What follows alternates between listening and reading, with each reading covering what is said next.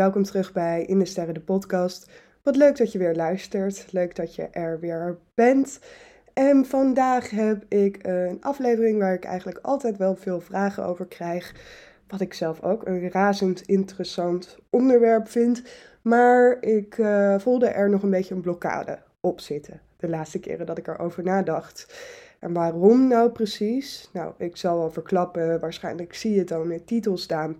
Maar deze aflevering gaat over geld, over financiën en ook over de combinatie van astrologie en financieel succes. Dus hoe je die twee uh, samen kan pakken of astrologie als tool in kan zetten. En ik voelde daar denk ik niet per se een blokkade op, omdat ik geld zo'n vies onderwerp vind. Ik denk dat geld een hele belangrijke zaak is om mee bezig te zijn, al helemaal als spiritueel ondernemer wat ik om me heen zie, dat veel spiritueel ondernemers echt een moeizame relatie hebben met geld. En ja, daarom ook financieel niet zo vooruitkomen of niet de ruimte nemen om hun bedrijf op een serieuze manier uit te kunnen bouwen. Dus zo blijf je altijd een beetje aan het rommelen met geld. Daarnaast vind ik dat spiritueel ondernemers ook gewoon um, normale of goede prijzen moeten kunnen vragen voor hun diensten. Maar goed, hier heb ik het trouwens ook nog een beetje over gehad in een aflevering met uh, Steffi Roos Dumain. Zij heeft de podcast Mindful en Millionaire. Ben ik lang geleden een keer te gast geweest. En ja, dus geld en spiritueel ondernemen. Daar zit voor mij de blokkade niet op. Daar ben ik ondertussen wel overheen. Maar waar wel nog een beetje een blokkade op zit, is mensen de grote belofte doen dat je ze rijk kan maken. Of dat je zegt, volg deze drie stappen en het geld, dat, uh, dat komt gewoon binnenstromen alsof het niks is. Nou, nu weet je ook gelijk dat ik dat niet ga beloven. Dat is gewoon niet mijn pakje aan, niet mijn tak van sport. Ik ben ook astroloog geworden vanwege het spirituele element. En ik gebruik het heel graag als een tool om mijn leven nog leuker en nog vrijer en nog plezieriger te maken. Maar ja, mijn belofte zit hem niet in uh, dat ik je zo snel mogelijk rijk maak. Toch vind ik de combinatie een hele fijne. En heeft dit mij ook een hele nieuwe manier gebracht om naar geldzaken te kijken. Ik klik even iets weg. Doe ik dit? Zo. Ja, zo zie ik waar ik in mijn opname zit. Maar dat heeft mij dus ook een nieuwe manier gegeven om uh, met geld om te gaan. En waarom? Als je gebruik maakt van de astrologie, dan ga je vrij snel werken met cycli. En begin je het leven soms ook haast een beetje als een opeenvolging van cycli te zien. Dus zie je goed dat je soms een periode nodig hebt waarin je rust of waarin het minder goed gaat, uh, die daarna weer gevolgd kan worden door een periode dat alles bloeit en groeit. Het is net zoals het verloop van de seizoenen, als het ware. Dus in de lente en de zomer heb je nu helemaal meer energie, ben je meestal meer buiten, doe je meer dingen. En van nature zijn we in de herfst en de winter meer geneigd om onszelf terug te trekken, te reflecteren en ons zo weer voor te bereiden op de periode dat dingen wel weer zoals vanzelf uh, lopen. Maar in het dagelijks leven is dat werken met die cycli nog iets waar veel mensen een probleem mee hebben. Eh, ik denk dat het ook een beetje de wereld is waarin we leven. Dat je soms snel het idee krijgt dat het altijd geweldig moet zijn of altijd goed moet zijn. Terwijl jij, als je bij jezelf nadenkt, waarschijnlijk ook maar als uh, goed weet dat je soms periodes van bezinning nodig hebt. Zodat je later juist weer met die nieuwe inzichten iets, iets moois kan doen. En op het gebied van geld, ook als je ondernemer bent, als je zelfstandig ondernemer bent, dan is geld een onderwerp waar je wellicht wat meer mee bezig bent dan, ja, dan iemand in loondienst. Dat ligt natuurlijk helemaal aan je positie, uh, verschilt per persoon. En dat kan een onzeker puntje zijn voor veel mensen. Al helemaal als je maanden hebt waarin bijvoorbeeld wat minder binnen, binnenkomt. En uh, dat je te lang duurt, of als je onzeker bent over of een bepaalde keuze je wel het financieel succes gaat opleveren waarop je had gerekend.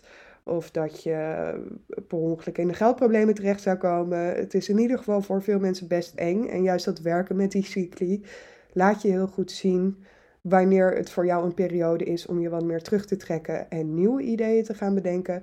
Of te reflecteren op wat wel werkt, wat niet werkt. En wanneer het weer gaat stromen.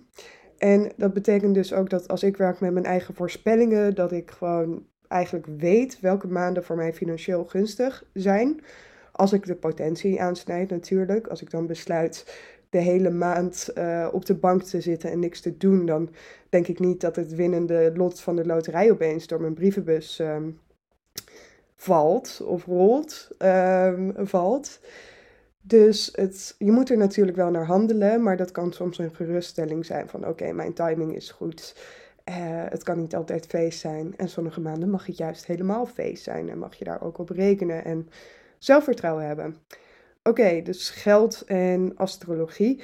In deze aflevering wil ik het vooral met je hebben over hoe jij nou voor jezelf weet wat financieel de meer gunstige periodes gaan zijn. Dus wanneer je meer inkomsten kan verwachten, waarin je kan verwachten dat uh, je iets goed verkoopt, bijvoorbeeld, financieel goed nieuws krijgt. Dat kan ook gaan over een beurs of een hypotheek of een investering die je hebt gedaan.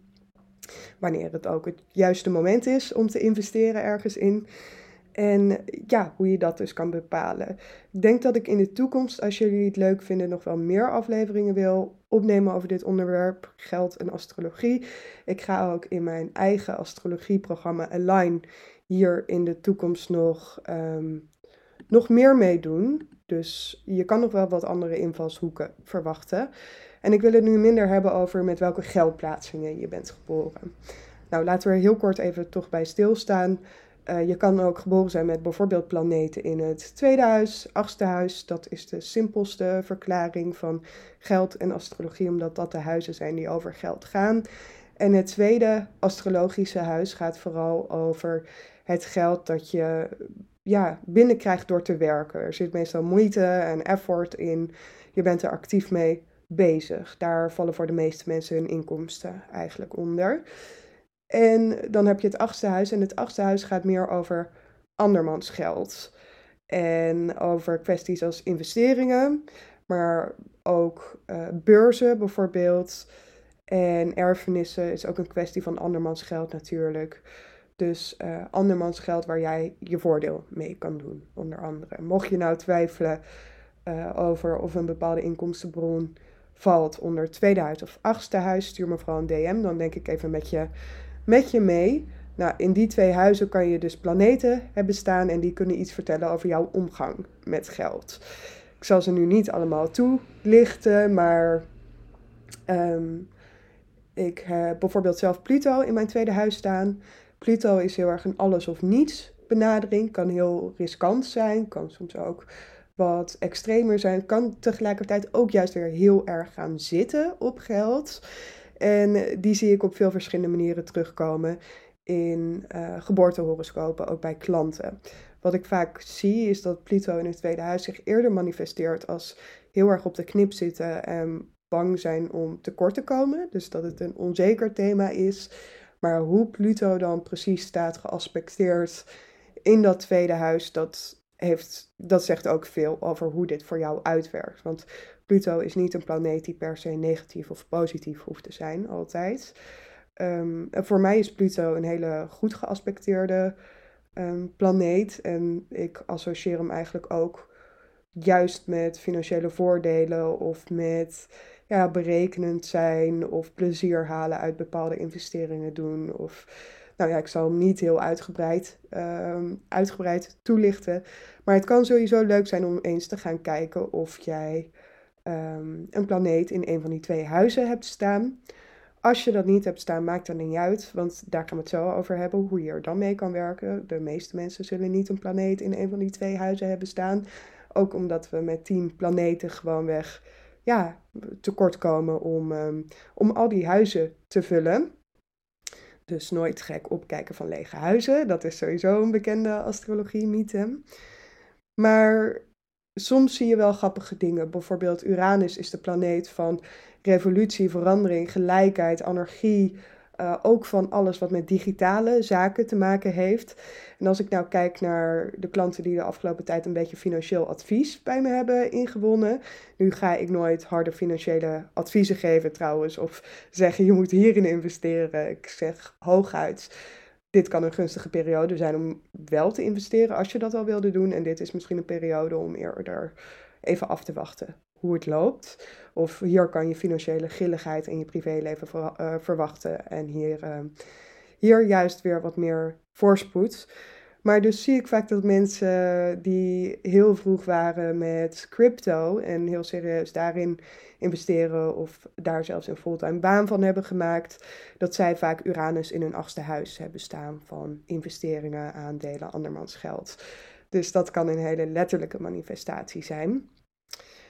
Goed, gaan we even door naar het stukje cycli en hoe je daar nou mee werkt. Dus hoe weet je of er voor jou een financieel gunstige periode aan zit te komen? Dit is vooral een interessante als je al wat meer weet van astrologie en van de huizen. Anders raad ik je even aan om op mijn Instagram profiel te kijken of eerdere afleveringen terug te luisteren, zodat je even wat comfortabeler kan worden met concepten als huizen, huisheersers ga ik het over hebben. En transits. Het is niet het allermakkelijkste. En mocht jij nu al meedoen met mijn programma Align. Dat is dus mijn astrologieprogramma waar echt al mijn kennis in zit. Waar ik je alle basics uitleg, maar ook leer hoe je bijvoorbeeld met aspecten en met transit gaat werken. Dingen die je nodig hebt om dit proces een beetje te begrijpen, dan uh, kan je die eerst rustig terugkijken. Dus mijn masterclass over werken met aspecten en met transits. En daarna moet dit, nou ik wilde zeggen appeltje eitje, maar gaat dit je vrij makkelijk af. En anders ga ook lekker rustig puzzelen als je daar net als ik heel erg van houdt. Gewoon aflevering op pauze en het rustig voor jezelf uitzoeken. Wat voor mij echt de go-to benaderingswijze uh, is, is kijken naar de heersers van het tweede huis en naar de heerser van het achtste huis. En ik hou het meestal bij het tweede huis, omdat voor de meeste mensen gaan geldzaken meer over inkomsten uit werk dan over inkomsten uit beurzen, erfenissen, investeringen. Dus eh, tenzij ik een specifieke vraag krijg over bijvoorbeeld het afsluiten van een lening of een hypotheek of een erfenis, hou ik het meestal bij het tweede huis als het te maken heeft met werk ook, wat het voor de meeste mensen wel, uh, wel vaak heeft. Dus je gaat kijken naar het tweede huis en je gaat kijken waar de cusp van het tweede huis in jouw geboortehoroscoop opvalt. Nou, die huizen, dat zijn twaalf taartpunten uh, in de astrologie. Dus je gaat eigenlijk kijken naar die twaalf sectoren. Je zoekt naar het tweede lijntje, staat ook aangegeven met het nummertje 2. En je gaat kijken op welk teken van de dierriem dat huis valt. Dus op welk teken die lijn loopt. En alle tekens van de dierenriem die kan je associëren met een planeet. Dit kan je even gaan googlen. Je kan googlen op planetary uh, rulers. Ik heb hier ook wel wat dingen over gedeeld op Instagram. Mocht je er niet uitkomen, laat het me weten. Kijk ik even met je mee welke planeet erbij hoort. Ik kan eventueel de bijbehorende planeten ook wel even in de show notes weer zetten. Goed, je gaat dus kijken naar de heerser van dat teken. Soms zijn het er ook twee. Ik zou dan eerder neigen naar de traditionele heersers, uh, heerser. Dat is weer een ander concept, maar goed. Dus je gaat kijken naar de planeet die bij dat huis hoort. En als je vervolgens gaat werken met transits, ga je specifiek letten op wanneer die planeet iets activeert of zelf geactiveerd wordt.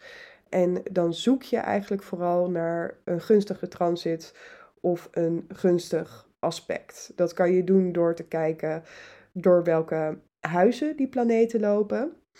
Dus voor mij is de heerser van het tweede huis Jupiter, want mijn tweede huis valt op boogschutter. Um, dat kan je even snel zo nagaan. En dan ga ik dus kijken wat de planeet Jupiter doet. Als eerste, als Jupiter voor mij door een van de zogenaamde hoekhuizen loopt, dus het eerste huis, uh, vierde huis, beetje, zevende huis, tiende huis, maar vooral het eerste huis en het tiende huis eigenlijk, dan is, zie ik dat al als een uh, periode waarin het financiële thema belangrijk gaat worden. Dat hoeft nog niet te zeggen dat die gelijk glorieus, geweldig, fantastisch is. Maar dat is een periode waarin ik veel meer bezig ben met geld. Omdat planeten die door deze huizen lopen eigenlijk gewoon de, de aandacht trekken, de spotlights innemen. Ik zou vooral kijken naar tiende huis, eerste huis. En vervolgens wil je ook gaan kijken door, naar door welke andere planeten die planeet wordt geactiveerd. En of dat in een harmonisch aspect is. Dus als een planeet die jij associeert met iets gunstigs, of een planeet die goed samenwerkt met die andere planeet, als die twee elkaar activeren, dan kan dat voor jou een uh, gunstige financiële invloed zijn. Bijvoorbeeld Jupiter maakt een driehoek met mijn zon. Wordt gezien als een aspect die, um, ja, die optimisme brengt, zelfverzekerdheid brengt, nieuwe energie brengt. En aangezien Jupiter voor mij ook nog met financiën is uh, betrokken, bij het thema financiën hoort, kan je dus zeggen, ah, dat is een leuke positieve transit.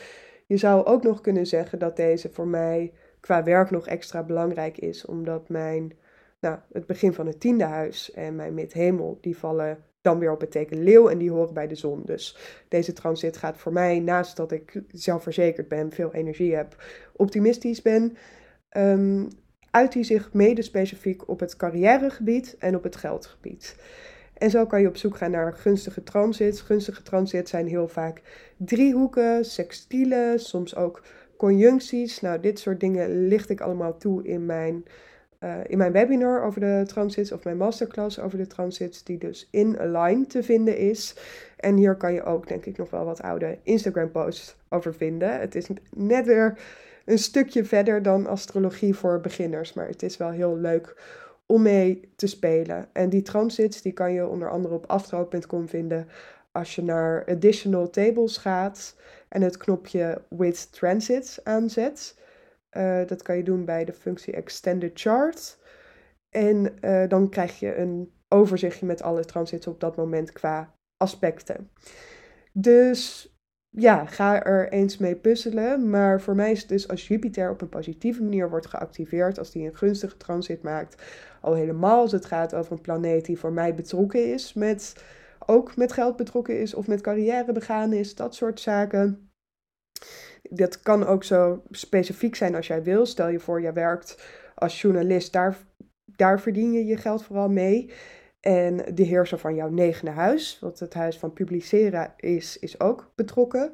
Als een uh, planeet die met je tweede huis te maken heeft, uh, die activeert, dan kan dat voor jou ook een bijzonder mooie financiële transit zijn. Omdat dat bijvoorbeeld betekent dat je een nieuwe uh, grote journalistieke opdracht krijgt of een boekcontract krijgt aangeboden, wat je dan weer financieel plezier brengt. Terwijl iemand die accountant is, bij wijze van, misschien iets minder gaat merken van een uh, geactiveerde heerser van het negende huis. En ja, hierdoor weet ik ook mede zeker dat de huizenverdeling bij mij klopt, want ik heb een beetje een twijfelascendant. Hier heb ik ook eerder een uh, aflevering over opgenomen, dus ik twijfelde heel lang of ik een weegschaal of een schorpioenascendant heb. Maar met een schorpioenascendant uh, valt mijn tweede huis op boogschutter, dus is Jupiter de heerser. En met weegschaal zou die op schorpioen vallen met Pluto en Mars als heerser.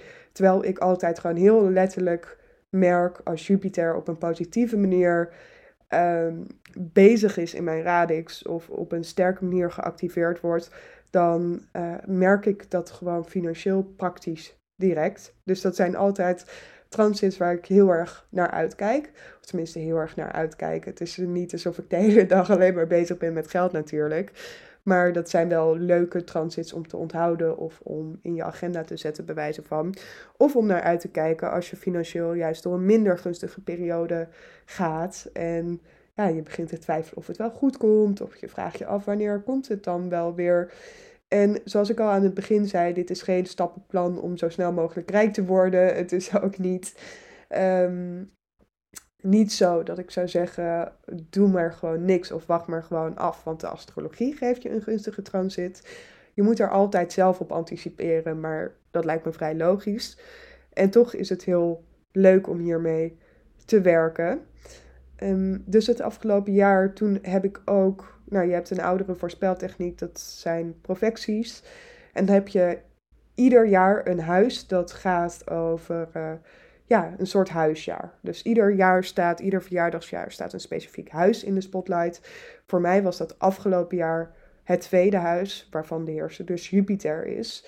En nu zit ik alweer in een derde huis Saturnusjaar, maar vorig jaar was dat uh, boogschutter, tweede huis Jupiter. En wat dan wordt gezegd is, dan ga je al helemaal merken als die heerser geactiveerd wordt. Dus Afgelopen jaar is dat ook echt heel letterlijk geweest en heel groot geweest. Zelfs een sextiel tot Jupiter of een hele lichte invloed kon ik vaak wel merken en had ook vaak financiële invloed. Terwijl ik dit jaar weer een beetje anders ga kijken naar, ehm, ja, naar mijn astrologie. Tegelijkertijd, wat dan wel weer interessant is met Saturnus als deze heerser, is dat Jupiter al een poos over mijn Saturnus in mijn radix heen zoomt. En dat ook weer te maken heeft met uh, onder andere financiële groei en zakelijke groei. Het is in mijn zesde huis uh, van dagelijks werk. Dus merk ik hem ook weer terug. Misschien denk je nu na deze aflevering: oké, dit is me echt nog even te complex. Wil het even nalopen, nazoeken. Nou, stuur me vooral een berichtje als ik je ergens mee kan helpen. En dit zijn eigenlijk ook dingen die ik je gewoon ga leren in, in mijn programma, Align.